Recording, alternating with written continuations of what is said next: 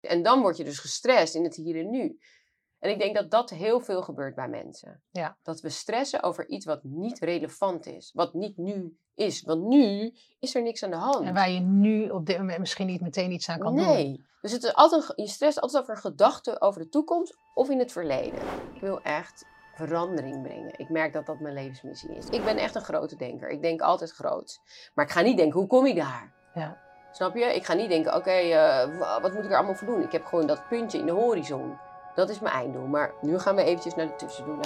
En dan iedere keer maak je daar een stappenplan voor. Mijn boek gaat over waarom doe jij wat je doet. En Ja. die gaat- stelt jou vragen, dat je daar dus bewust van wordt. Dus we gaan echt interactief, ga ik je meenemen.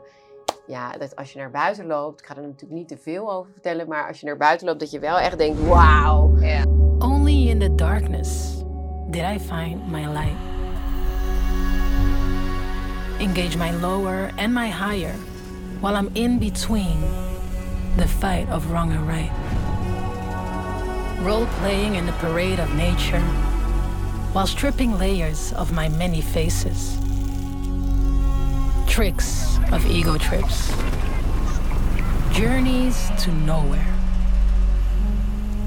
Now, here we are, in the same world that takes and gives, where everybody dies, but not everybody lives. Yes, trauma and stress, but also our greatest powers lie suppressed in feared shadows, just craving to be expressed.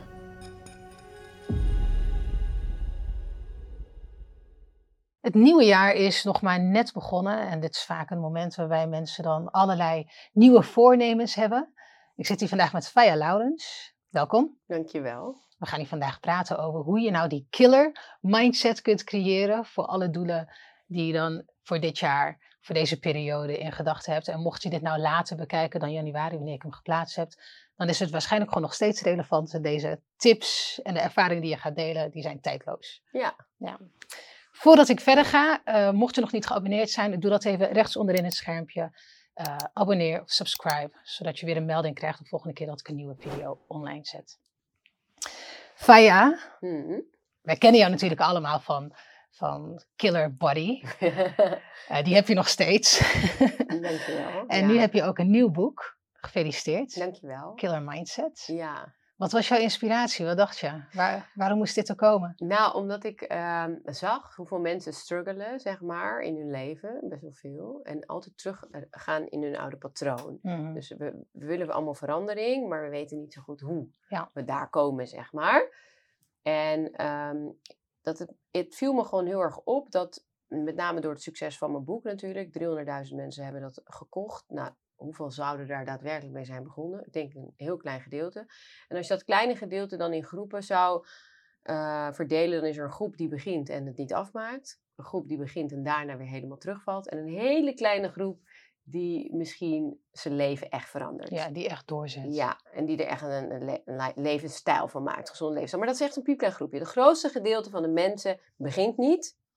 Die- of met, eh, dat kan je natuurlijk nu in, in een dieet kijken, maar dat heeft ook te maken met je doelen behalen überhaupt. Weet je, beginnen mensen vaak niet, omdat ze of perfectionistisch zijn en denken, ja, het is nooit goed genoeg, het goede moment. En gaan het helemaal overdenken. Of ze zien allerlei beren op de weg, andere beren op de weg. Ja. Ehm, en heel veel mensen vallen eigenlijk gewoon altijd terug in oude patronen.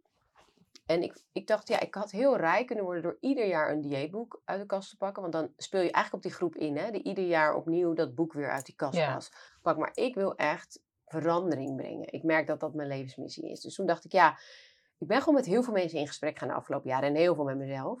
Dus ik ben ook gaan kijken van waarom val ik nou terug in de oude patronen? Wat zit daaronder? Welke emoties zitten eronder? Wat mag er niet zijn? Waar, waarom ben ik streng voor mezelf? En ik ontdekte gewoon dat, dat heel veel mensen dat zijn. Heel streng voor zichzelf. Zichzelf continu naar beneden halen. En ik heb de afgelopen jaren veel gedaan. Inner Child Healing, coachingopleidingen, NLP. Inmiddels ben ik ook coach met paarden. En toen ontdekte ik gewoon ja, hoe, hoe de mens werkt. Natuurlijk niet alles. En toen dacht ik, ja, als ik nou de tools kan maken dat mensen met mijn Killer Mindset boek daarnaast hun droomlichaam kunnen behalen, maar of een droomcarrière of een droomman, nou daar ben ik dan niet heel goed in. maar als ze dat nou met dat Killer Mindset boek hand in hand kunnen doen, En er dan echt een levensstijl van maken. Ja. Nou, dan heb ik, ja, 1 en 1 en 1 is 3, zeg ik dan. Dus dat wilde ik, want ik wilde gewoon mensen echt helpen. En Ja. niet ze in een dieet houden. Maar ik vind het wel belangrijk dat mensen gezond en liefdevol voor hunzelf zijn. Dus vandaar dat ik het boek heb geschreven. Dat zijn echt twaalf stappen waarvan het eerste gedeelte echt bewustwording is. Dus waarom doe je wat je doet? Wat zit daaronder? We gaan echt wel even terug naar de in de tijd, naar je kindertijd. En eh, Dus je begint echt bij de basis. ja, Echt in de kern. ja. En daarnaast is er een heel groot gedeelte van transformatie. Hè? Dus ook gewoon een strak online plan maken, je eraan houden. Hoe creëer je meer daadkracht? Nou, dat is één ding. Als je ergens aan begint, het afmaken. Dat, Ja, want laten we het daar, want je, je, je ging er zo snel overheen. Je zegt van heel veel mensen kopen wel het boek. Ehm, dus die hebben dan de intentie om wel die killer body. ja, maar dan eh, komt dat stemmetje. Ja, dat stemmetje, dat is die saboteur. Ja, dat is die saboteur. En dat stemmetje zegt, dat lukt je toch niet. Dat is je vorige keer ook niet Ja. gelukt. Dus, eh, of dat stemmetje zegt, ehm, als je goed bezig bent, schat, je bent al drie kilo afgevallen. Je, kan nu wel even die chocoladereep eten. Nou, je hebt al vier dagen niet gedronken. Nu kan je dat wijntje wel nemen, zeg maar. Ja, En die stem, ja, daar hebben ze in heel veel culturen heel veel verschillende eh, benamingen voor. Volgens mij eh, noemen de eh, Joden het zelfs Satan. Nou, ik heb inmiddels geleerd met Voice Dialogue dat al die stemmen, al die persoonlijkheden bij jou horen. Ja. En die hebben eigenlijk. al- zelf Satan. ja, ja, die horen allemaal bij jou. En eh, hoe harder je een stem wegdrukt, hoe meer die naar, naar, naar voren komt, zeg maar. Dat is een boemerang, zeg maar. Ja. Dus alles en iedereen hoort erbij. En als je kan kijken naar wat de intentie is van die stem, en die kan uitvragen, zoals jij nu hier zit, zoals ik nu met jou praat, dit is mijn bewuste ego, ik kan goed reflecteren. Eh, maar met deze, dit bewuste ego kan vragen van, maar wat is dan de bedoeling als ik nu die chocoladereep eet? Want waarom, waarom wil je nu dat ik die chocoladereep eet? Nou, dan zegt een stemmetje, ja, dat is lekker en ik gun jou dat, dat, dat jij Ja. ervan geniet. Ja, Ik maar, gun jou het genot. ja, maar dan kan je zeggen, ja, oké, maar hoe lang duurt dat genot dan? Nou, vijf minuten. Ja, en dan? Hoe voel je je dan? Ja, ik voel me dan lekker. Maar oké, dan hebben we nog een stemmetje en die voelt zich niet lekker. En dat is het onzekere stemmetje. En, dat, en heel vaak denken we dat het allemaal één stem is. Dus we denken heel vaak van er is één goede en één slechte. Maar er zijn Ja. er heel veel. Je hebt de onzekere, je, je hebt de autonome, eh, je hebt de pleaser. Je hebt allemaal. En als je gaat ontdekken wat voor rol die allemaal hebben, door ze gewoon uit te vragen, dan, ja, dan ga je jezelf zeg maar beter leren kennen. Maar uiteindelijk hebben ze allemaal een doel. En dat is dat jij je goed voelt. Alleen de ene heeft een korte termijn doel. Van je voelt je nu goed vijf minuten met die chocoladereep in je Ja. mond. En die andere zegt, zet nou gewoon even door. Want op de lange termijn voel je je dan beter. Juist. En, en als je daar, je daaraan houdt, en ik zeg, maak je doel nooit te hoog, want dan is de kans dat je faalt natuurlijk groot. En dan word je weer onzeker. Dan zeg je, zie je wel. Dan komt die stem, zie je, ik heb toch gezegd dat je dit niet lukt. Ja. Het gaat je nooit lukken. En stel je voor dat je bijvoorbeeld eh 30 kilo wilt afvallen en je gaat zeggen, ik wil 30 kilo afvallen. Nou, dat is heel ver van je bedshow. Dus als je beter zegt, van, nou, ik wil een kilo afvallen en dan lukt het je. En dan word je zelfverzekerd. Denk je, Ja, nou, krijg je eerste- motivatie. ja, de eerste kilo is gelukt. Maar als jij 1 kilo bent afgevallen en je moet er nog 29, ja, dan, dan wordt het een heel zwaar verhaal. Dus ik zeg ook altijd, leg die lat gewoon niet zo hoog. En beloon jezelf. En niet weer met allemaal eten, maar gewoon met lief zijn voor jezelf. Ja, dus mocht je nu doelen geformuleerd hebben en je merkt van, oh, dat zijn wel hele grote doelen. Of, Maak tussendoelen. ja, maak het gewoon net ietsjes kleiner. Ja, en dan krijg je meer zelfverzekerd. Ja, dan word je zelfverzekerder van. Je maakt ze gewoon kleine stappen op weg naar het doel. Dus ik ben, nou echt, ik ben echt een grote denker. Ik denk altijd groot. Maar ik ga niet denken, hoe kom ik daar? Ja. Snap je? Ik ga niet denken, oké, eh, wa- wat moet ik er allemaal voor doen? Ik heb gewoon dat puntje in de horizon. Dat is mijn einddoel. Maar nu gaan we eventjes naar de tussendoelen. En dan iedere keer maak je daar een stappenplan voor. En ondertussen visualiseer je nog wel dat doel en hoe dat voelt als dat er is, weet je wel, zo. Voorbeeld nu, ik wil heel graag naar Spanje verhuizen. Nou, dan wil ik dan een hele mooie kleine boerderij met wel heel veel land. En dan wil ik daar vier huisjes op bouwen eh, waar ik retreats kan geven. Dat doe ik nu ook thuis in Nederland, maar dat zou ik dan daar willen doen met paardencoaching en alles. Ik kan nu helemaal stressen daarover als ik zou Mm. willen. Want dan denk ik, mijn huis is nog niet verkocht. Het staat al drie maanden te koop. Eh, wat moet ik doen? Terwijl, het is heel normaal dat een huis drie maanden te koop staat wat zo groot is, snap je? Maar je kan jezelf dus helemaal gek... Ik kan ervoor kiezen om mezelf gek te maken. Nou, dan vind ik straks niet mijn grond. Waar moet ik gaan zoeken? Oh, nou, dan moet ik allemaal gaan bouwen met een Spaanse aannemer. Nou, die kan geen Spaans. Ja, dan word je natuurlijk echt super gek. Dus dat doe ik allemaal niet. Ik, ik zie alleen maar, dan zit ik liggen in de sauna gisteren en dan denk ik... Oh, en dan, zo ziet het eruit en zo. En dan voel ik me helemaal lekker. En daar creëer ik het mee. En opeens is het er gewoon. Ja. Dus je visualiseert grote doelen, Ja. grote dan dromen, maar je stapjes. werkt aan kleine Ja. doelen. Ja. ja, dus ik visualiseer die grote, maar daar ga ik niet al helemaal mijn hoofd van gek maken. Want dan begin je niet meer. Dan ga je er niet meer aan beginnen, niet eens. Want waar moet je beginnen dan? Het universum zorgt er echt wel voor dat dat doel er komt. Ja. Als je dus gaat voelen dat het er al is. En dat, gisteren lag ik dus in de sauna en toen zag ik het helemaal voor me gewoon. En toen dacht ik, oké, wie kan me hierbij helpen met mijn retreat en zo. En dat ik het ook leuk vind. En ik denk dan, oh, mijn dochter die is heel handig. En als zij dan naar Spanje komt in die week, dat ik dat retreat heb met mijn kleinkind, heb ik twee Mm. ja, ja, in twee in klap. klap. Dan kom ik ook nog een beetje naar Nederland. Dus ik bel daar vandaag op. Hier, lijkt het je niet heel leuk om die organisatie van die retreat te doen? Ja, vindt ze eigenlijk wel leuk. Dus dacht ik, nou, dan, dan kan ze gewoon voor mij komen werken, snap je? Dan, Ja. dan kan ze heel vaak naar Spanje. Nice. Dus, dus zo komt het dan eh, tot stand, wel dan met dromen. Ja, en ondertussen denk ik, fijn, maar geniet ook gewoon nog van je huis. Want je hebt een prachtig huis, dus ga niet met weerstand dat het Ja. nog niet te koop is. Je geniet, kan toch ook hier genieten. Maar als ik nu naar Spanje wil, dan heb ik opeens weerstand dat mijn huis nog niet verko- verkocht is. En dan word je dus gestrest in het hier en nu. En ik denk dat dat heel veel gebeurt bij mensen. Ja. Dat we stressen over iets wat niet relevant is. Wat niet nu is. Want nu is er niks aan de hand. En waar je nu op dit moment misschien niet meteen iets aan kan doen. Nee. Dus het is altijd, je stresst altijd over een gedachte over de toekomst of in het verleden. Ja. En in het hier en nu ja, is er niks om over te stressen. Dus hou ermee op. Ja. Dus als je merkt dat je stress, moet je dat eigenlijk realiseren van, oh ja, ik ben bezig met de toekomst. Of ik Ja. zit weer vast in het verleden. Even terug naar Wat is waar hier ik nu? nu sta, nou, ik zit hier nu lekker een theetje te drinken. Ja. Ja. Heerlijk. Nice. Oké, dus je zegt eigenlijk, ehm, die, die doelen, die kan je beter nou, zo klein mogelijk formuleren. Dat het gewoon wat makkelijker te bereiken is. Ja, en dat je je er dan ook dan aan houdt. Want zeg maar, op zo'n groot doel heb je ook, ja, maar dat is zo, zo moeilijk en zo ver, dan laat maar zitten. Weet je, dan, en dan, heb je dus, dan krijg je weer minder zelfvertrouwen, want je, je stelt jezelf teleur. Terwijl als je denkt, oké, dit is het puntje in de horizon. Nou, laten we even kijken, bijvoorbeeld met afvallen, dat is makkelijk eventjes uit te leggen. Dan heb je dus 30 kilo, oké, dat is heel veel. Nou, dan gaan we dus een halve kilo per week doen. Nou, dan ga je een stappenplan maken. Wat moet ik daarvoor doen? Nou, wij geven nu toevallig online gratis eh, voedingsplannen uit op killerbodyfoods.com. Dus dan krijg je helemaal, op basis van al mijn dieetplannen, krijg je gewoon als je je doelen invult. Nou, dan heb je je plan voor een week. Dan hou je aan een week, dan is het gelukt. denk je, nou, wauw, zie je wel. Ja. En mensen denken dan een halve kilo, dat is eh, niks. Maar dat is heel veel. Als je dat doorzet, is dat heel veel. Als je dat inderdaad berekent op de langere Ja. termijn, dan, dan, dan heb jij gewoon in een half jaar je doel behaald. Ja. Snap je? Maar dan zeg je van oké, nu heb je, heb je een stappenplan en die ga je uitvoeren. Dat is natuurlijk makkelijker gezegd dan gedaan. Ja, het is makkelijker om een weekplan te maken als een maandplan. Dus, Nee, maar om je eraan te houden. plan ligt er nu mhm. en nu gaan we starten. Dag 1 lukt, dag 2 lukt, dag 3 En dan is het belangrijk om te ontdekken waarom je het moeilijk komt dat hebt. stemmetje. Ja, het stemmetje komt ergens vandaan. Dus je, waarschijnlijk zit je niet lekker in je vel. En als, soms heb je wel eens zo dat je niet lekker in je vel zit, hè? En dan weet je niet helemaal hoe het komt. Dan moet je even teruggaan. Van wat heb ik net gedacht? Wie had ik net aan de telefoon? Waar ging het net over? Wat voor mailtje heb ik net geopend? Want ik voel me eh, niet zo lekker. En Ja, heel wat vaak- was de trigger? wat was de trigger? Ja, en, Ja. en vaak is dat een onbewust iets, dus we zitten niet lekker in ons vel. Maar als je dus bedenkt waar dat door komt, kan je het ook weer loslaten. Ik had het toevallig van de week dat ik dacht, Hé, ik voel me niet lekker. Maar toen dacht ik dus aan iemand waar ik een ding mee heb. Hmm. En toen dacht ik, oh ja, dat moet ik dus oplossen, want het zijbelt. Daar moet ik iets mee, weet je. Dat zijbelt dus onbewust soms in mijn gedachten mee met mij. En dat geeft me dus een naar gevoel.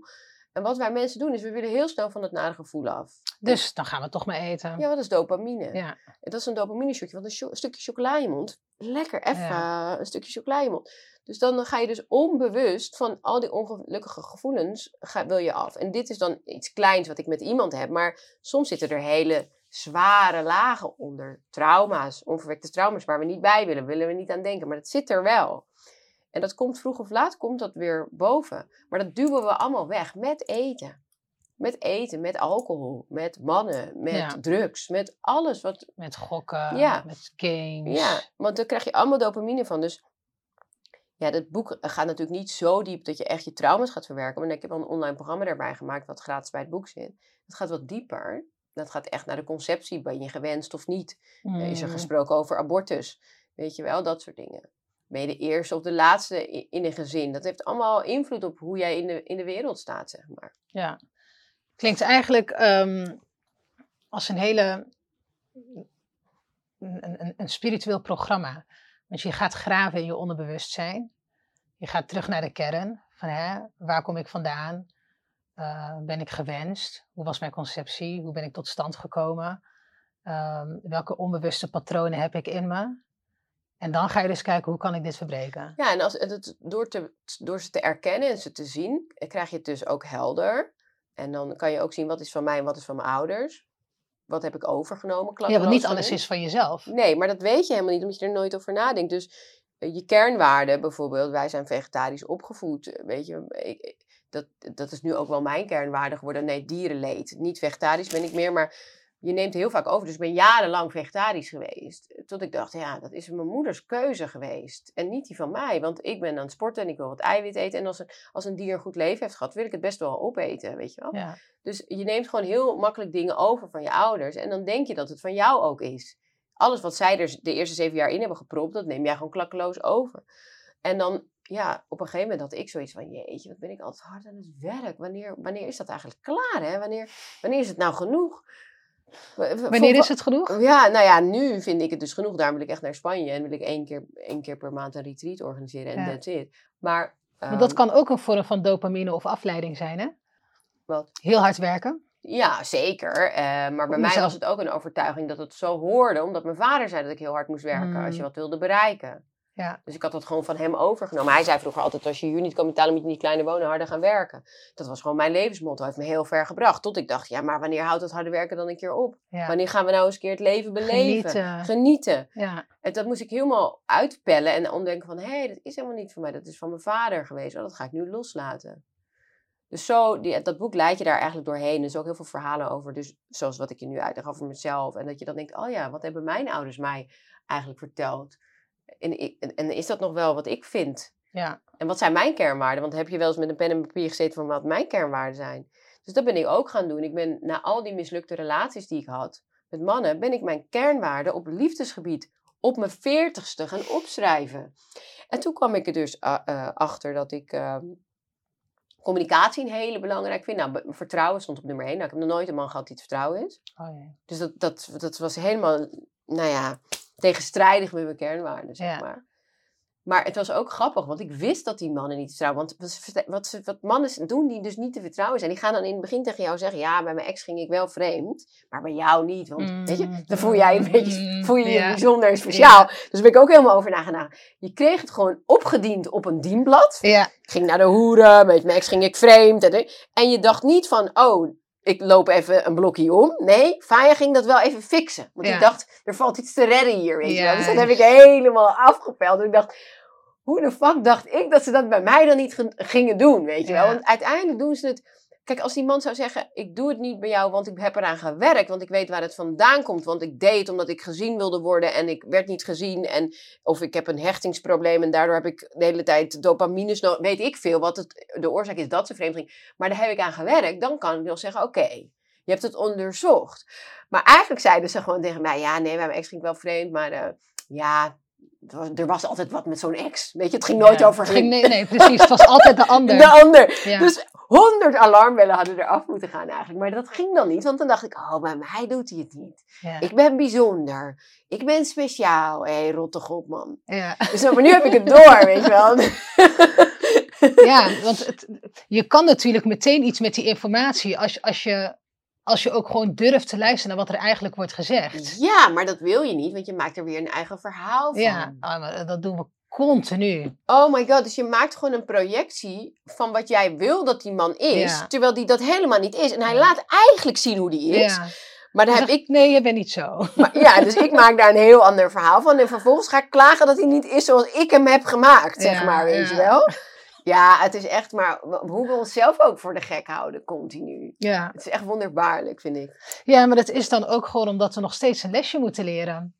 Ja, nou die heb ik wel uitgeleerd. Maar dus, dus over die kernwaarden, dus toen dacht ik, oh ja, vertrouwen. Nou ja, dat is wel heel apart dat dat bij mij op nummer 1 staat. En dat ik dan eigenlijk iedere keer een man heb die dat niet is. Ja. Nou, en dan eh, vond ik eh, communicatie. Dat heeft dan ook, eh, om terug te gaan naar vertrouwen.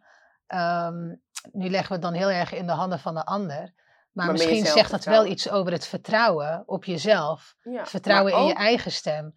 Dat op het moment dat inderdaad Ja. iemand zegt van ja, ik ben in het verleden heel vaak vreemd gegaan, maar bij jou doe ik het niet. Vertrouw je dat? En als jouw gevoel zegt, of als er misschien een stemmetje in je hoofd is dat zegt nou, eh, hij, hij zegt dit, maar misschien zegt hij dat voor mij en hij heeft er zelf niet aan gewerkt. Kun je daar dan op vertrouwen? En dan ook, nou ja, iets al voortijdig beëindigen. Ja, gewoon niet aan beginnen bij iemand die daar, daar al mee komt, vind ik. Tenzij die het helemaal heeft uitgepeld bij zichzelf en daar echt naar is gaan kijken. Want je zegt het ook niet voor niets. Het komt niet voor niets op je bordje terecht. Nee, en het is gewoon... Ja, het is gewoon super apart. Maar ehm, het is ook het vertrouwen, ben ik wel te vertrouwen. Hè? Want ehm, ik zag hem natuurlijk ook niet. Of en niet hem, het zijn echt meerdere geweest die dit hebben gedaan. Maar ik, ik zag zeg maar ook niet degene die het was. Dat die was, zeg maar. Dus ik zag hem ook niet. Dus ik viel, werd verliefd op iemand die, er, ja, die, er, niet was. Is. Dus ik was ook niet te vertrouwen naar hem, snap je? Waardoor hij zichzelf niet gezien voelde, want het was nooit goed genoeg natuurlijk. Want ik werd verliefd op iets wat hij niet was. Dus dan moet je op je tenen gaan lopen. Daar kan je niet aan voldoen, aan dat droom-ideaal plaatje wat ik uh, met mijn prinsessensyndroom had gecreëerd. Dus dan denk je, shit, eh, ze ziet me niet. Nou, bewust zal hij dat niet hebben gedacht. Maar laat ik maar even kijken of iemand anders me ziet, zeg maar. Snap je wat ik bedoel? Ja, ja, ja. En zo werkt dat dan. Het is super interessant als je erover nadenkt. En, ik, en ik, ik zie dus mijn eigen patroon hierin. Ik neem hem ook niks kwalijk en al die anderen niet. Omdat ik zelf nu zie wat ik doe. En het enige wat je kunt doen is jezelf veranderen. En dat is ook waar mijn boek over gaat. Je kan, zolang er nog een vinger naar de ander wijst, heb je nog een hele lange weg te gaan. Ja. En ik denk dat als je zelf gewoon je patronen doorziet en ja, jezelf leert kennen en heelt. Het is misschien ook wel een, een bittere pil om te slikken, maar als je hem eenmaal slikt, dan is het echt wel een bevrijding. Als je beseft van, shit man, al, alle problemen die ik ervaar, die, die zitten echt in mezelf. Maar als je erkent dat de problemen in jezelf zitten, dan erken je dus ook dat de oplossing in jezelf zit. Dus dat voelt heel erg bevrijdend. Dan weet je in elk geval waar je moet gaan zoeken. Want daar vind je het niet. Nee. Nou, niet bij de ander, weet je wel. En dat is, ja, het is super mooi. Uh, als je dat dus doorhebt, dan ben je ook weer gewoon in controle. Ja.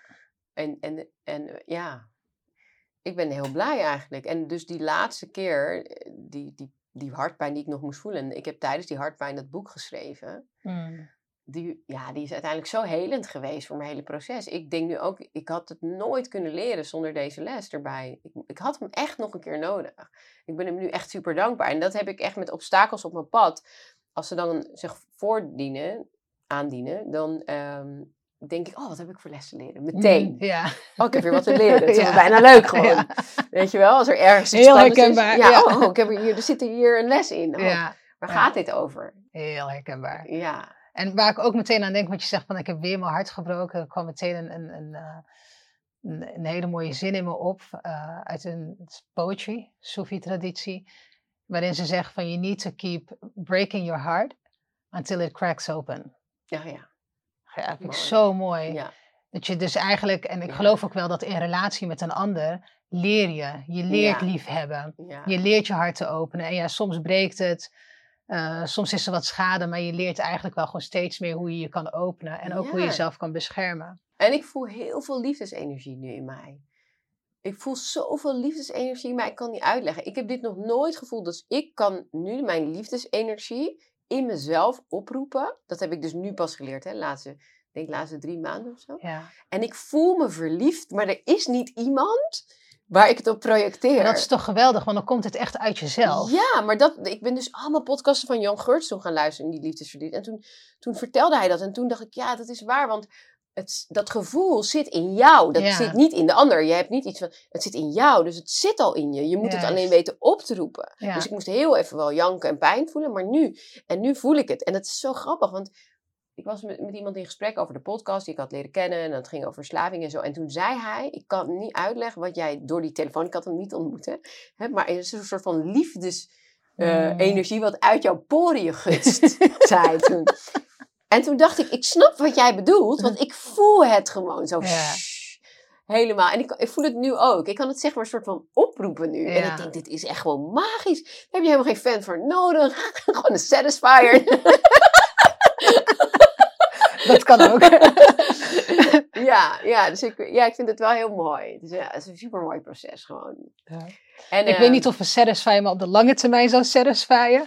Want ik hou wel echt van verbinding met anderen. Ja. Maar ik denk dat het heel goed is om inderdaad te leren om echt alles uit jezelf te halen. Omdat op het moment dat je echt zelf content bent en die, die, je voelt die liefde in jezelf, je, Ja. je, hebt, je hebt jezelf lief, dan is al het andere wat komt, is extra. Is bonus. Wanneer het komt, dan verwelkom je het. Wanneer het gaat, dan is het, dan laat je het gaan. Weet je, dan hou je ook minder vast. Dus dan, ik weet niet, dan voor mij, dan, ik sta dan gewoon wat, wat lichter in het leven. ja. Dat voelt heel fijn. Want ik denk ook dat dat eigenlijk het leven is, een balans tussen het, het aantrekken en het loslaten. Ja. Aantrekken en het loslaten. En dat je niet Ja. vasthoudt wanneer, Nee, je, wanneer je eigenlijk gewoon moet loslaten. Ja, nee, dat, dat is het ook. En ik hield heel erg vast aan eh, een plaatje. En dat doen heel veel mensen. Ja. Ehm, Maar dat plaatje zegt gewoon iets over waar we heel erg naar verlangen. ja, Ik vind dat ook iets heel moois. maar het is zegt ook een beetje door de media en, en wat we hebben geleerd hoe het moet zijn. Hè? Ik ben nu 42, woon op mezelf.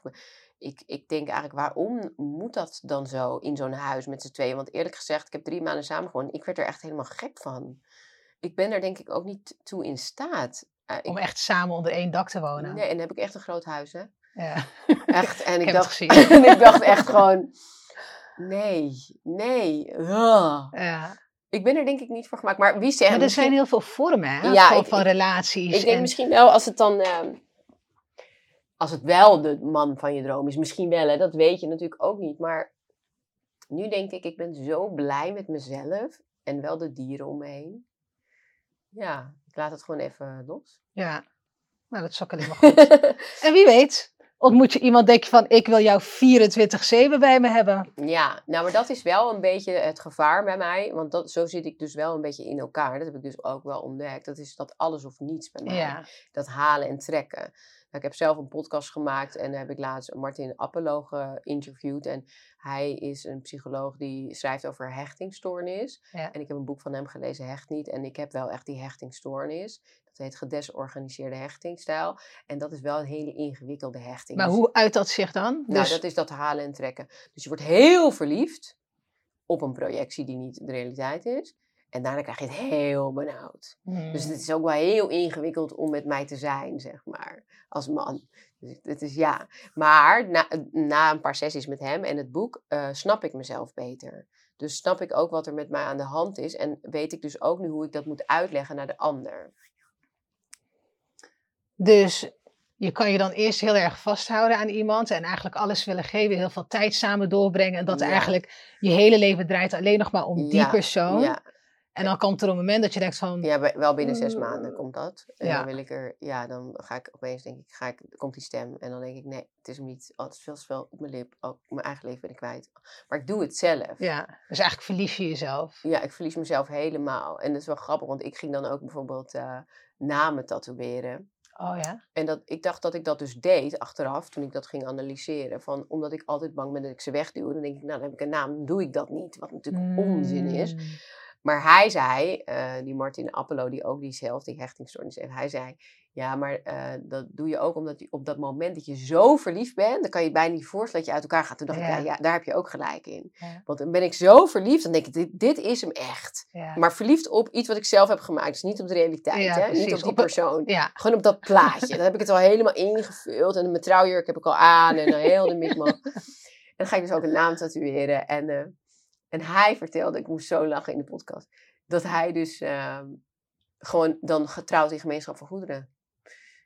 En dan Oh, valt, ja. valt het. En dan Dat heeft zijn- meerdere zijn keren zeg gedaan. maar. Ja, Ja, ja, ja, ja, maar dat snap ik. Ik wou nu een huis kopen. Ik herkende zoveel van mezelf in hem. Want op dat moment, dan zit je op een soort van roze wolk of zo. Ja, Dan kan je niet meer relativeren. ja. Maar het is maar goed dat ik geen boek over de liefde schrijf. Oh, en daarin Nee, ga maar je, je adviseren. weet het nooit, hè? Misschien komt het ooit nog. Nou ja, ik ga een boek schrijven, dat heet Hartpijn. Dat Mm. heb ik al een contract met de uitgever. Kijk. Maar, maar dat is echt mijn spirituele reis. Dus wat ik allemaal ontdek hierover, wat eronder zit en hoe ik met liefdesverdriet omga. En ja, dat gaat daar meer over. Maar niet om andere mensen te gaan adviseren hoe ze een relatie moeten hebben. Want daar ben ik zelf natuurlijk niet zo goed in. En ik ben wel zakelijk heel goed. Dus dat kan ik gewoon wel adviseren. En ik, ik weet ook gewoon lichamelijke doelen te behalen. En daarin wel te ontdekken, nou in de liefdesgebied ook wel, maar wat de blokkades zijn en de obstakels. Maar heb je soms ook wel eens gedacht van, Hè, want ik merk dat ik ook heel erg aan het zoeken ben. Heel veel thema's op het gebied van relatie herken ik. Uh, ook in jouw podcast, die heb ik ook gezien. Het is wel heel grappig, want ik had iemand een boek gegeven, Liefdesbang. Mm -hmm. En die kwam diezelfde uh, dag terug met, nou, jij geeft mij een boek. En ik open mijn Instagram en ik zie ineens een podcast van Faya Laurens over liefdesbang. Met de schrijfster van dit boek. Misschien moet je Faya Laurens een keertje interviewen. Dus het is heel grappig dat we nu over liefde praten. Dus dat dat dan toch zo komt. Ja. Maar ik, ik ging dus naar je podcast kijken en ik hoorde zoveel dingen dat ik dacht van, oh god, ja, dit herken ik. Ja, dit, ja, dit ben ik ook. Oh ja, dit doe ik ook. Ja, ja, dit doe ik ook. oh, Faya, ja, we doen echt hetzelfde. Maar soms denk ik ook van, hè, we kunnen het allemaal labeltjes en termen gaan geven. Maar... Hoe verander je het? Nou, niet alleen hoe verander ik het. Is, er zijn zoveel vormen van, van relaties en liefhebben. Misschien werken de huidige constructies gewoon niet. Misschien werkt huisje, boompje, beestje nou, dat onder sowieso één dak niet, maar dat, wonen nee, niet. En, nee, want ook in mijn bed, ik vind het heel lekker om alleen te slapen en zo. Maar ehm, ik denk dat dat het is. Maar ik ben wel ervan achter door Martin dat die onveilige hechting die ik als kind heb gehad, die heeft wel grote invloed op hoe ik eh, niet zo goed met relaties kan omgaan. En doordat ik mezelf en mijn, als we het net hebben over subpersoonlijkheden, hè, dus al die stemmen wat beter ken, snap ik nu ook uh, die boze kant van mij, wat daaronder zit en wanneer die komt. En dan heb ik ook nog de ijskoningin. Dan moest ik helemaal uitschrijven van hem welke types. En die praat niet tegen je. Die zegt niks meer tegen je. Dus dat is heel moeilijk om mee naar huis te zijn als die twee dagen natuurlijk niet tegen je praat. Of ja. ik heb als in een vliegtuig acht uur niet tegen iemand gesproken en dat soort dingen. Dus um, nu ik weet van hun en wat hun doel is, want ze hebben dus een functie, mij beschermen omdat ik niet gekwetst wil worden. Ja. En dat die boze, ja, die kan echt heel boos worden. Dat is echt mijn innerlijke kind, mijn innerlijke boze kind die vroeger moest vechten. Die komt niet meer zo heel vaak, want die wordt beschermd door die ijskoningin. Want die ijskoningin, die denkt dan wel als zij komt, die, die ver, vernieuwt alles. Dus Ja, dat, ja, dan hou ik mijn bek maar dicht. Die is want- destructief. ja, want als die hier komt, dan eh, kunnen we... de- Vroeger sloeg ik echt de, de borden uit de kast thuis, weet je wel? Stond ik te schreeuwen. En eh, nu ik hun functie ken en ook snap wanneer ze komen en wat ze nodig hebben om te ontdooien, de ijskoningin, eh, kan ik, als ik ooit nu een nieuwe relatie krijg, dat bespreken. En dat heeft hij gezegd, je moet niet je mooier voordoen als je bent. Je moet niet doen... Ik, ik, kook, dat doe, ik doe al niet meer zeggen dat ik kook en opruim. Ik zeg altijd, ik kook niet meer. Dan ben ik allemaal gedaan, ik ben uitgekookt. Maar deze had ik, kende ik nog niet. En nu denk ik, oh ja, dus... Want iemand voelt zich namelijk persoonlijk aangevallen. Terwijl het vaak een trigger is. Je wordt Ja. getriggerd met iets kleins. Er zit een hele berg onder. Die heb ik hier getatoeëerd. En diegene denkt, dit, die gaat ook in de trigger. Want die is waarschijnlijk ook onveilig hecht. Want veilig hechte mannen zijn niet meer vrij op deze markt op deze moment. Dus die gaat dan ook in zijn trigger. Ja, en dan zit de ene in een ijskoningin en de andere in een boede. En dan, en dan wordt het heel moeilijk. Maar als jij van tevoren zegt van... Nou, ik ben met z'n drieën. En dit ben ik, en dit ben ik, en dit ben ik. En dit doe ik als ik dit heb, en dit doe ik. Maar je moet, hoeft het je niet persoonlijk aan te trekken. En de ijskoningin, ja, die wil gewoon een knuffel. Die kan nog smelten. Mm, ja. Geef er maar gewoon een knuffel. Pak haar maar vast. Die, die innerlijke kind is gewoon een blokje om.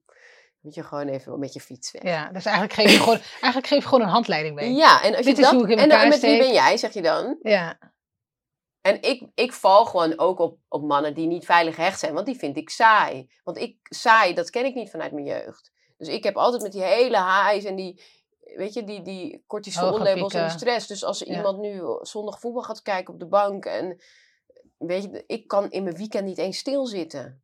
Ik sta iedere dag om vijf uur op en dan heb ik om zeven uur de paarden gaan getraind. En dan denk ik, oké, dit weekend gaan we rustig aan doen. Maar ik word Ja. gewoon helemaal ongemakkelijk op die bank, snap je? Dus als ik dan zo'n fan zou hebben die met de afstandsbediening dicht. nou ja, dat werkt niet. Dat werkt je moet niet. me gewoon, ja, je moet me wel echt, eh, ja, ja, anders Iemand die je ook gewoon een beetje bij kan houden en die een beetje tegenwicht kan geven. Ja, absoluut. Ik was er anders zo overheen. Ja.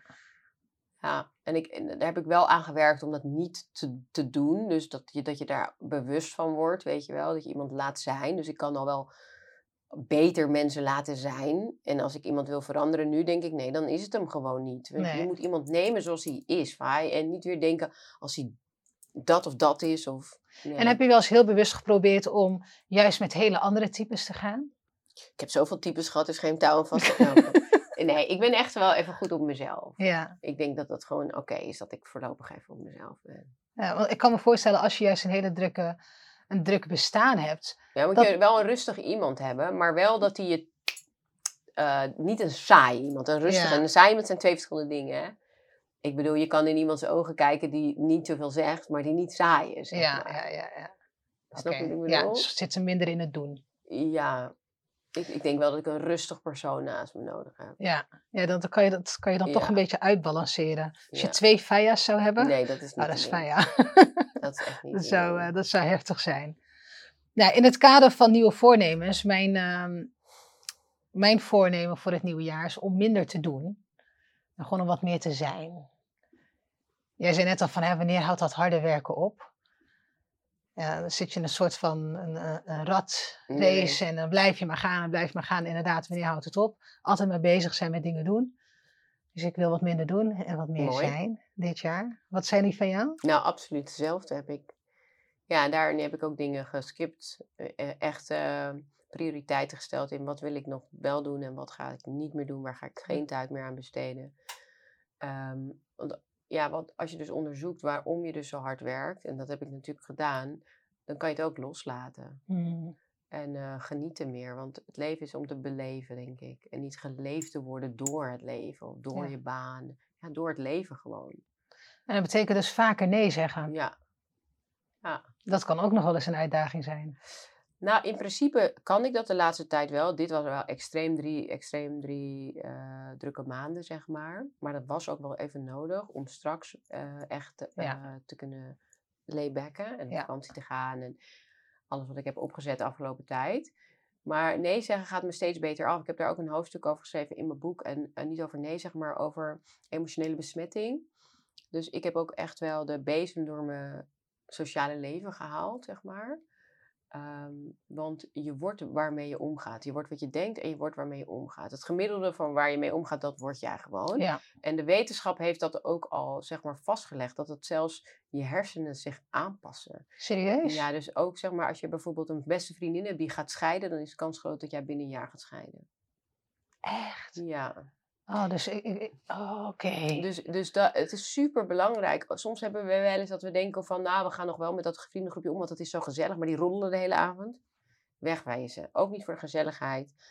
Want het haalt gewoon je frequentie naar beneden. En zorg dat je gewoon omringt met mensen die slimmer dan je zijn. Die het beter weten. Waar, waar je geïnspireerd door raakt. Waar je veel energie van krijgt. Tuurlijk mag een vriendin een keer verdrietig zijn en mag ze je energie kosten. Maar de volgende keer dan mag jij, ben jij aan de beurt. Of dan is het weer gelijkwaardig. Ja. En als iemand die de hele tijd leeg zuigt, dan moet je daar gewoon bij uit de buurt blijven, denk ik. Dus daar, daarin, als je dat weet, kan je ook makkelijker nee zeggen. Echt gewoon kijken van wat levert me energie op en wat kost me energie en waar kies ik nog voor. Goeie.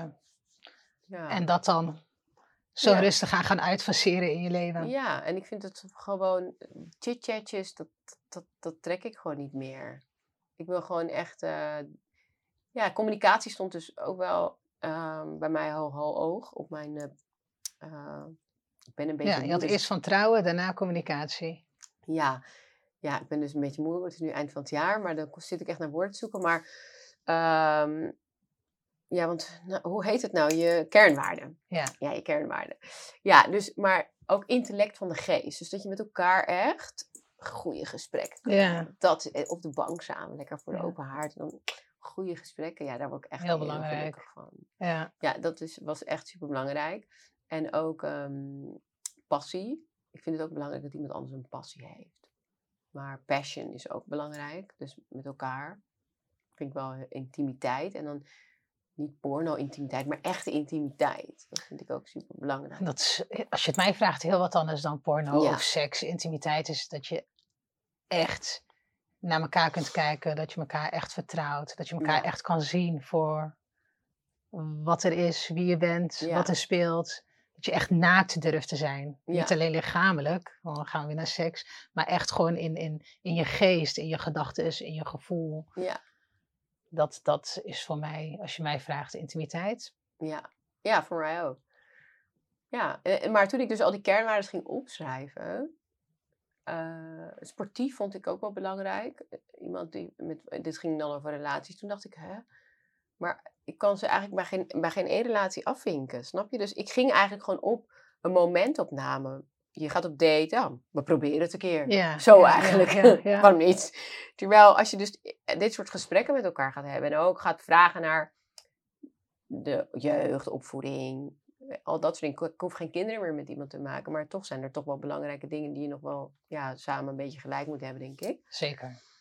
En dan kom je er eigenlijk al op zo'n date achter. Nee, dat gaat hem gewoon niet worden. Want ik kan die kernwaarden niet afvinken, bij wijze van spreken. Ja.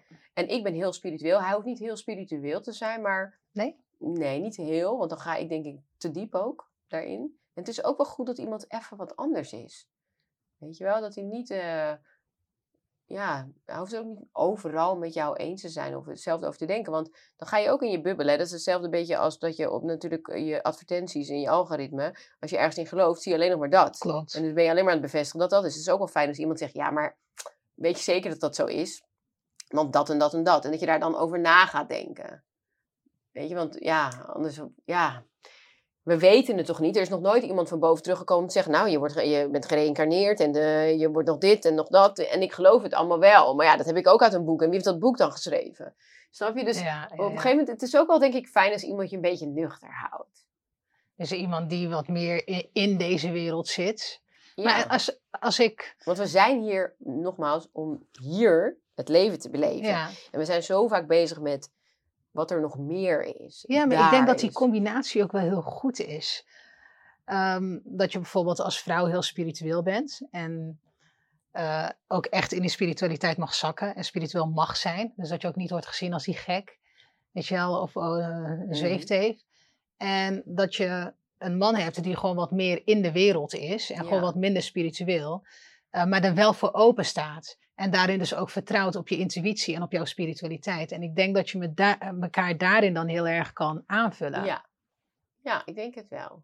Ja. zou, het zou een Maar idee- iemand die echt eh, helemaal eh, niet spiritueel is, dat zou, niet bij mij passen. Nee, absoluut niet. Nee, maar ik heb ook wel eens iemand gehad die echt heel spiritueel was. Veel spiritueler dan ik was.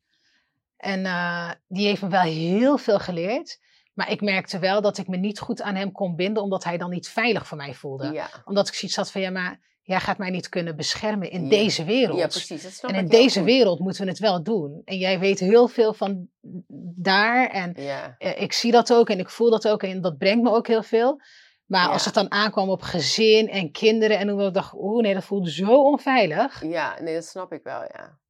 Dus ja, soms denk ik van, vrouw, wat wil je nou? Maar hoe, zie, hoe ziet jouw hechting eruit dan? nou, ik herken wel wat je zegt. Dat ik me heel erg kan geven aan iemand. En dat, dat ik dan heel erg veel bezig ben met de ander. En dat ik dan op een moment kom dat ik denk van, nee, dat gaat niet werken. Nee. En dan is er ook echt een terugtrekkende beweging. En dat is dan vaak op basis van dingen die ik eigenlijk al wel van tevoren wist. Ja, maar die hebben we allemaal. Die weet, ja, dat is, dat is heel grappig. Die weet je allemaal al. En dan Dus je er, ga je een soort van lachend overheen of zo. Van, oeh, nou ja, zo erg is het allemaal niet. Alsof je dan toch, nou, en dan kom je dus op projectie, of dat je een plaatje van iemand gaat maken, omdat je hoopt dat diegene zo is, of misschien zo kan worden. Ja.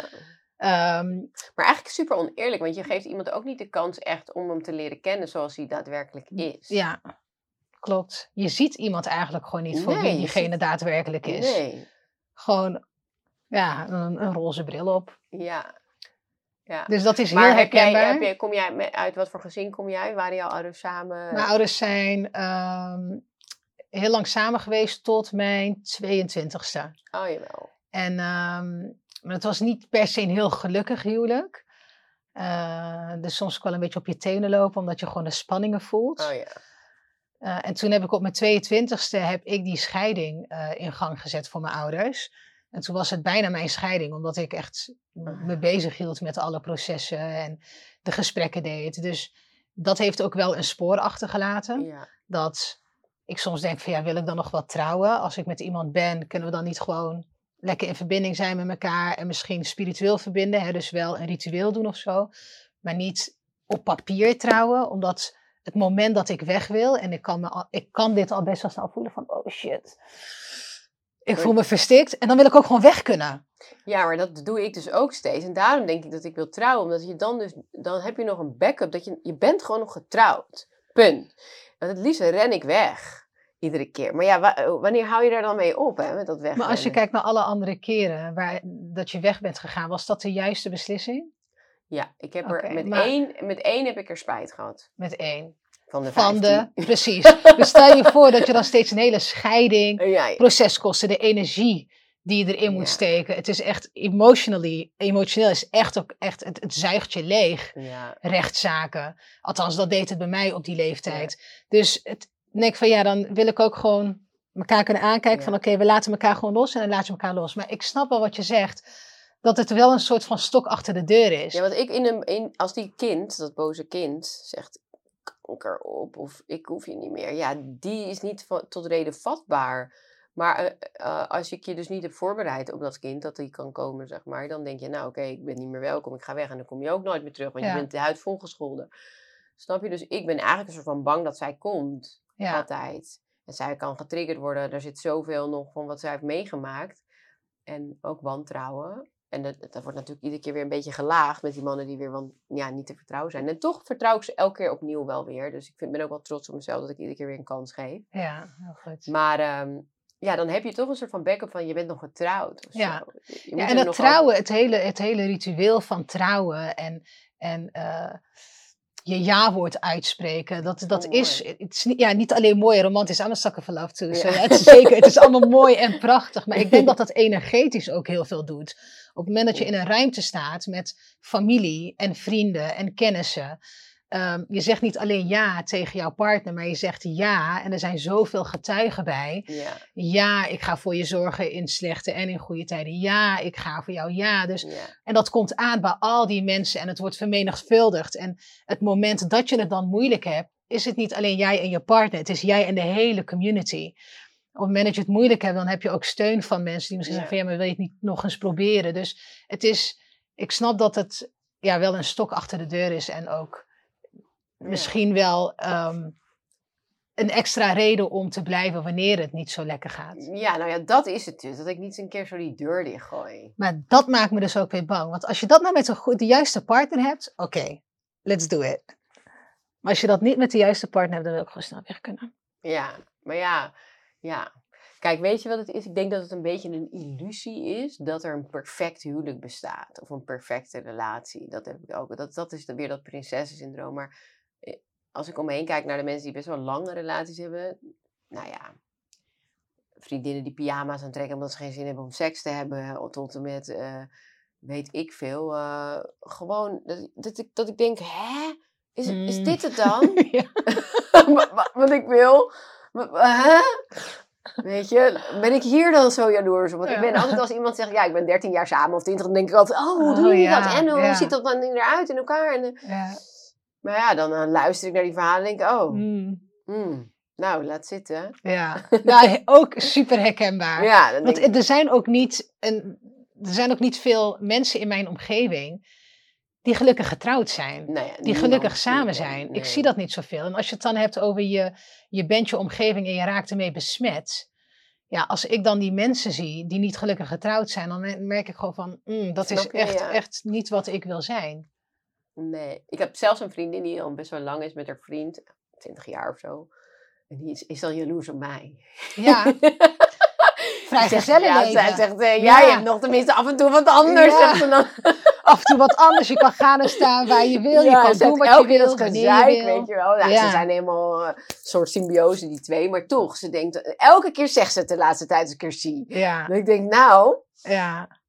Maar is dat ook niet, zeg maar gewoon het kwaaltje van de mens, dat je altijd wil wat je niet hebt? Ja. Heb je krullend haar, dan wil je Ja. stijlhaar. Ja, ja, Ben je blank, dan heb je zoiets van, oh, was ik maar wat donkerder. ja, ja, het Weet gras is ook groener aan de andere kant natuurlijk Ja. elke keer. Ja. Ja, en soms fantaseer ik er ook gewoon over, kan het dan niet gewoon allemaal? Kan je niet gewoon en in partnership zijn en gewoon heel vrij Nou, zijn? ik ben wel heel erg jaloers dan. Ja? Ja, nou, ik zou niet mijn man willen delen, laat ik het zo zeggen. Ik ben niet heel jaloers. Ik ga niet bellen, waar ben je, wat doe je, dat doe ik echt niet. Maar ik ga niet, ik zou niet willen delen, mijn man. Dat, dat heb ik een vriendin die zegt, wat maakt dat uit? Nee, dat zou mij wel uitmaken. En heb je daar, eh, heb, want heb jij, want je had het net over vertrouwen en dat mannen dan zeiden van, nou, ik ben vreemd gegaan in het verleden, maar bij jou doe ik het niet. Heb je wel eens meegemaakt dat mannen vreemd zijn gegaan bij jou? Ja. Heb je toen wel eens gedacht van, oh, ehm, ik heb dat nooit meegemaakt, eh, Mhm. maar het, ik zou het verschil, althans niet dat ik weet. Ik Ja. weet het niet zeker, maar ik heb er wel eens over nagedacht van, ja, ik zie zoveel mensen in mijn omgeving vreemd gaan, zowel mannen als vrouwen. Ehm, hoe kan je zoiets tackelen? Nee, dat kan je dus niet. Het maakt niet uit wie je bent. Tenzij je er eerlijk over mag zijn. Eh, nee, Dat maar je dan is de lol eraf van die mannen. Dat heb ik ook ontdekt, dat allemaal. Dat soort gesprekken heb ik met al mijn mannelijke vrienden. Ik heb heel veel mannelijke vrienden. Eh, De spanning zit hem in dat het dus niet mag. Kijk, op het moment dat jij gaat zeggen, eh, als jij behoefte hebt aan een ander, want zo, ik ben wat dat betreft heel open. Je kan daar echt met mij mee terecht. Ik zou je niet veroordelen, we hebben het er gewoon over. Dat is ook wat ik verwacht eigenlijk. Maar op die, dat moment, dan is die heel die spanning die je weghaalt, weg, die, me- die mannen zijn ook op zoek naar dopamine. Ja, iets wat ze bij jou niet krijgen. En als ze het bij jou moeten vertellen, ja, ik heb behoefte aan een ander, ja, dan is dat helemaal weg. maar dan is hun reden voor contact met een andere vrouw, komt vanuit een pijnpunt. Ja, dat komt is vanuit ook. van, hè, ik wil hier gezien Ja, worden. Of ja, ik wil hier... 100 procent. Daar geloof Dus- ik heel erg in. Ja, of bijvoorbeeld heel veel mannen hebben last van erectieproblemen. Dat komt door te veel porno kijken. Daar heb ik het ook in een van mijn podcastafleveringen met seksoloog over gehad. Dus die gaan, eh, omdat ze dus heel veel porno kijken, en dat heeft, weer dat heeft schijnbaar, zegt zij, hetzelfde effect als zelfs cocaïne in de, Ja, in de hersenen. Ja, klopt. Nou, dus je hebt iedere keer meer prikkels nodig. Dus als jij elke keer porno kijkt, dan moet je het zien, zo legt zij het dan uit, hè, Evelien in de podcast bij mij, als een snoepwinkel waar alles te verkrijgen is. En thuis heb je alleen drop. Ja. Eh, maar ik heb dat dus ook een keer meegemaakt bij, met een man. En dan, ja, dan worden ze daar onzeker van, dat dat dus dan niet lukt. En dan gaan ze denken, nou, lukt het nog wel? Ik moet, ja, en bij zo'n hoer, wat stiekem is, of, of een, weet ik wel, een SM-mistress, ja, dan gaat het wel omhoog, snap je? Ja. Dus dat hebben ze dan daarnaast nodig. En dat zegt dan niet zoveel over mij, maar meer over hun verleden en dat porno kijken en te veel aan hun uh, sjorren. ja. Dus dat, dat zijn ook nog allemaal, er zijn al honderdduizend redenen waarom ze het zouden doen. En vrouwen gaan ook gewoon vreemd, hè? Absoluut. Ja, Dat zie ik ook heel veel. vrouwen gaan ook gewoon vreemd.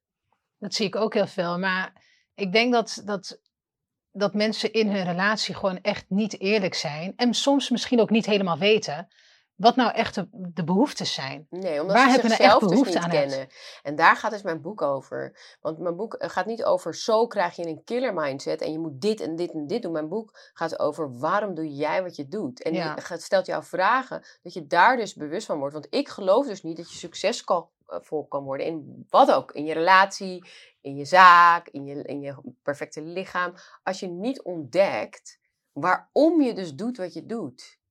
Zou je het ook altijd blijven doen? Ja, je gaat het altijd blijven doen. Dus die waarom-vraag, die is zo belangrijk. Why? Je eigen agenda. Waarom zeg je dit? Waarom wil je dit van die ander? Wat zegt dat over jou? Waar Ja. gaat het in het diepste over? In de- de kern. Ja, dat is helemaal mijn boek. En Dus ik het eerlijk daar- durven zelf naar je kijken. Ja, ja. Eerlijk naar jezelf ja. durven En kijken. dan denk je, oh, daarom doe ik dat. Oh, daarom wil ik hard werken. Oh, daarom wil ik er goed uitzien. Oh, daarom wil ik dat. Ja. Ja. En dat kan ik niet invullen voor een ander waarom dat is. Nee. En dat is ook gewoon een stukje graven, want soms denken we dat we iets willen of denken dat we iets zijn. Ehm, Maar er zit daar nog iets onder. En dit is, je moet echt introspectie plegen. Blijven onderzoeken bij jezelf waarom je dingen doet. Ja. En dat je blijven afvragen. En ik ben daar nu heel erg in getraind, omdat ik een opleiding heb gedaan eh, tot coach. En die opleiding was coach met paarden aan de Keulse Weg. Super goede opleiding. Zou ik eigenlijk bijna iedereen aanraden die niet eens paardencoach wil worden. Omdat dit hele jaar daarover ging. Dus je werd zo erg getraind om te reflecteren op je gedrag. Maar ook wat continu je eigen agenda is. Kijk mij, kijk mm, mij. mm. Ook als coach. Want jij wil de goede coach zijn. Ja, Jij wil dat zij gaat huilen, want dan ben jij een goede coach. Want dan heb jij de doorbraak. ja, Jij hebt dus, dat gaat over mij en niet over De ander. willen helpen, snap je? ja. En daar zijn we zo erg in getraind. En ik ben zo dankbaar voor die opleiding, want die opleiding kwam echt als geroepen. Want ik had ook toen die liefdesverdriet, was ik nog in het laatste half jaar van die opleiding. Dus toen kon ik zo goed reflecteren op mijn gedrag. En toen kon ik dus ook helemaal ontdekken dat ik het helemaal zelf had gedaan. Weet je wel? Ja, dus dat was gewoon super mooi en waardevol. Ik zie het altijd een beetje als een ui. Ja. afpellen, nagel afpellen. Ja, Hoe meer je afpelt, hoe meer je gaat janken. Omdat je denkt, wat fuck. ja, Shit prikt. ja. het steekt, het doet pijn. Maar uiteindelijk ehm, kom je wel gewoon dichter bij jezelf. ja. En dat voelt heel erg fijn. Ja. Je begint in jouw, in, jouw, in jouw boek bij de kern. Ja. Dus waar kom je vandaan? ja, de blauwdruk, daar begint het boek mee. Dan heb je twaalf hoofdstukken. Je eindigt echt met een strak omlijnd plan maken. Ja. Dus, Van welke doelen heb ik? En dat Ja, kan op alle vlakken ja. zijn. Ja, en de twee minuten regel en dat soort tips, zeg maar. Dat als je iets... Leg eens de twee minuten regel uit. Nou, de twee minuten regel is dat als jij iets moet doen wat twee minuten kost, dat je het nu moet doen. En niet moet gaan opschrijven op briefjes, want vaak schrijven we het dus niet eens op briefjes. Vaak willen we dat onthouden en dat zorgt voor heel veel ballast. Dus dan krijg je een heel vol hoofd met allemaal kleine taakjes die je nog moet doen. Of dat ga je opschrijven en afvinken, maar je kan het gewoon beter meteen doen. Ja, dus Ik oh heb- ja, ik, eh, ik moet nog reserveren in het restaurant. Nu doen. Nu doen. Ja, want anders blijft dat zo de Ja. hele tijd aan de achterkant bij je mee, de dag door. En dat zorgt voor stress en dat zorgt dus ook weer voor eten. Ja. Dus al die ballast eruit gooien, meteen doen. En ik zelf bijvoorbeeld, want ik heb dan echt mezelf aangeleerd niet meer mijn mail op- open te maken als ik geen tijd heb om ook met mijn mail aan de gang te gaan. Dus dan wachten mensen maar wat langer. Maar als ik zit, dan maak ik het ook af. Dus als Ja. ik, maak ook iets af waar je aan begonnen bent. Dat is een hele belangrijke. Goeie. Afmaken waar je aan begonnen bent. Afmaken waar je aan begonnen Ook bent. al en- denk je op de helft, het is toch niet zo'n goed idee. Snap je? Oh, en- en- ja, want dat is dan misschien gewoon dat, dat, Dat stemmetje, je ja, stemmetje echt die afmaken. saboteert. En pas ja. als je het af hebt gemaakt, kan je bepalen of het echt een goed idee was of niet. Ja. Je, hebt iets, je bent iets begonnen, je maakt het helemaal af. Ja. En dan ga je daarna reflecteren erop. Maar niet op de helft, nee, ik vind het toch niet zo goed, ik stop er toch maar mee. Nee, wel doorgaan. Ja. Dus als je begint aan iets, maak het altijd af. Ja. ja, dan maak je je daadkracht sterker en groter. Faya, we beginnen zo eh, langzaamaan richting het einde te komen. Hm. Je hebt al wel gedeeld wat ehm ja, plannen zijn. Je wil graag naar Spanje. Je hebt al gedeeld dat je meer wil zijn en minder wil doen. Hm. Wat zijn nog meer jouw voornemens voor dit jaar? Ehm, nou, vooral heel veel oma zijn. Ik ben een oma geworden, vind ik echt het leukste wat er is. En eh, ik ga nog het theater in, nog dit jaar. Acht shows doe ik, killer mindset shows, interactieve shows. Killer Mindset Shows. Dus dan ga je theater in. Eind van het jaar, ja. Eh, september en oktober staan ze gepland. Nice. Ja. En ehm, ja, deze shows, die, ja, daar ga ik je nog door elkaar schudden in de show. Ik wil net zeg zeggen, wat kunnen we ervan verwachten? Ja, het is een killer mindset show natuurlijk. Dus het gaat ook wel weer over een stukje van waarom doe je wat je doet. Dus daar beginnen we wel mee. Dat is wel een beetje de opbouw en dan de transformatie. Dus we gaan echt interactief, ga ik je meenemen. Ja, dat als je naar buiten loopt, ik ga er natuurlijk niet te veel over vertellen, maar als je naar buiten loopt, dat je wel echt denkt, wauw, Ja. Die man zet ik nu aan de kant. Nee. nee, nee, maar of ik begin morgen met mijn nieuwe baan. Ik wil echt dat je echt met een wauw gevoel eruit gaat. ja. Ehm, ja, nee, ja, het is gewoon een interactief show. Ik ga er nog niet te veel over vertellen. En Maar- moeten mensen daar het boek voor hebben gelezen of hoeft dat Nee, niet? dat hoeft Nee, niet. Nee, nee, nee, nee. nee. Nice. Nee. Oké, dat, dat zijn leuke vooruitzichten. Ja, dat vind ik ook wel heel spannend hoor. Dat is ook best wel uit mijn comfortzone. Ja, want je hebt nooit echt theater gedaan, toch? Nee, het is ook geen theatershow. Hè? Het is een lezing plus, maar wel met dingen waarin het publiek dingen moet gaan doen. Hmm. Dus je wordt wel ook uit je comfortzone gehaald in het publiek. En dat doe je alleen?